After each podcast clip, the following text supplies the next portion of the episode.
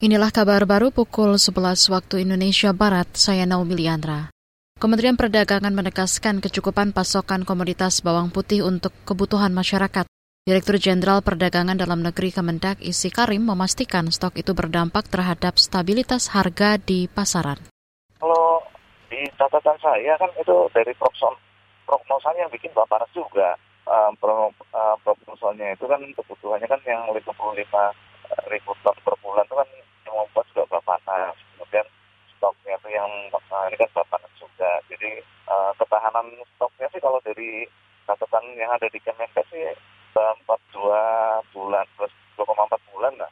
Itu tadi Direktur Jenderal Perdagangan Dalam Negeri Kemendak Isi Karim. Sebelumnya berdasarkan prognosa neraca pangan nasional Januari hingga Desember 2023, kebutuhan bawang putih nasional dalam setahun sekitar 652 ribu ton. Sedangkan produksi dalam negeri sekitar 18 ribu ton dengan penambahan stok dari tahun lalu sebanyak 143 ribu ton. Guna menutupi kekurangan itu, Badan Pangan Nasional telah merencanakan pengadaan luar negeri sehingga diperkirakan stok bawang putih nasional pada akhir 2023 tersedia 99 ribu ton. Beralih ke informasi hukum, Komisi Pemberantasan Korupsi KPK memanggil dua saksi terkait kasus dugaan rasuah pekerjaan penyaluran bantuan sosial beras untuk keluarga penerima manfaat KPM, Program Keluarga Harapan PKH 2020 di Kementerian Sosial. Mereka adalah Kepala Divisi Regional Nusa Tenggara Timur, M. Haris, dan bawahannya Rifani Sari.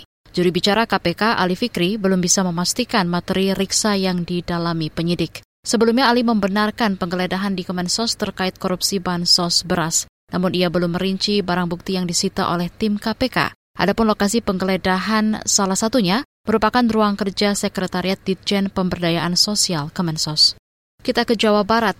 Pemerintah Kabupaten Garut mengaku kesulitan untuk membayar gaji 8 ribuan guru dan tenaga kesehatan yang diangkat menjadi pegawai pemerintah dengan perjanjian kerja atau P3K. Bupati Garut Rudi Gunawan mengatakan, untuk menutupi gaji itu pemerintah daerah terpaksa menghentikan program pembangunan. Jumlah anggaran pembangunan yang dialihkan untuk membayar gaji pegawai sebesar 560 miliar rupiah. Jadi kita berat sekali. Garut ke depan tuh bukan tidak ada uang ya, bergeser. Uangnya itu ada, tapi bergeser. Yang tadinya kita tidak menggaji 8 ribu orang, sekarang itu di Garut itu yang dengan yang ada P3K itu dengan yang disdik yang besok itu. Sekarang aja sudah mencapai 4 ribu.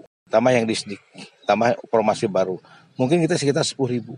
Bupati Garut Rudi Gunawan berharap pemerintah pusat dapat menambah dana alokasi umum untuk membayar gaji guru dan tenaga kesehatan. Ia beralasan pendapatan asli daerah PAD di Garut cukup rendah dan sukar ditingkatkan. Adapun Kabupaten Garut mendapatkan dana alokasi umum dari pemerintah pusat sebesar 1,7 triliun rupiah. Demikian kabar baru KBR, saya Naomi Liandra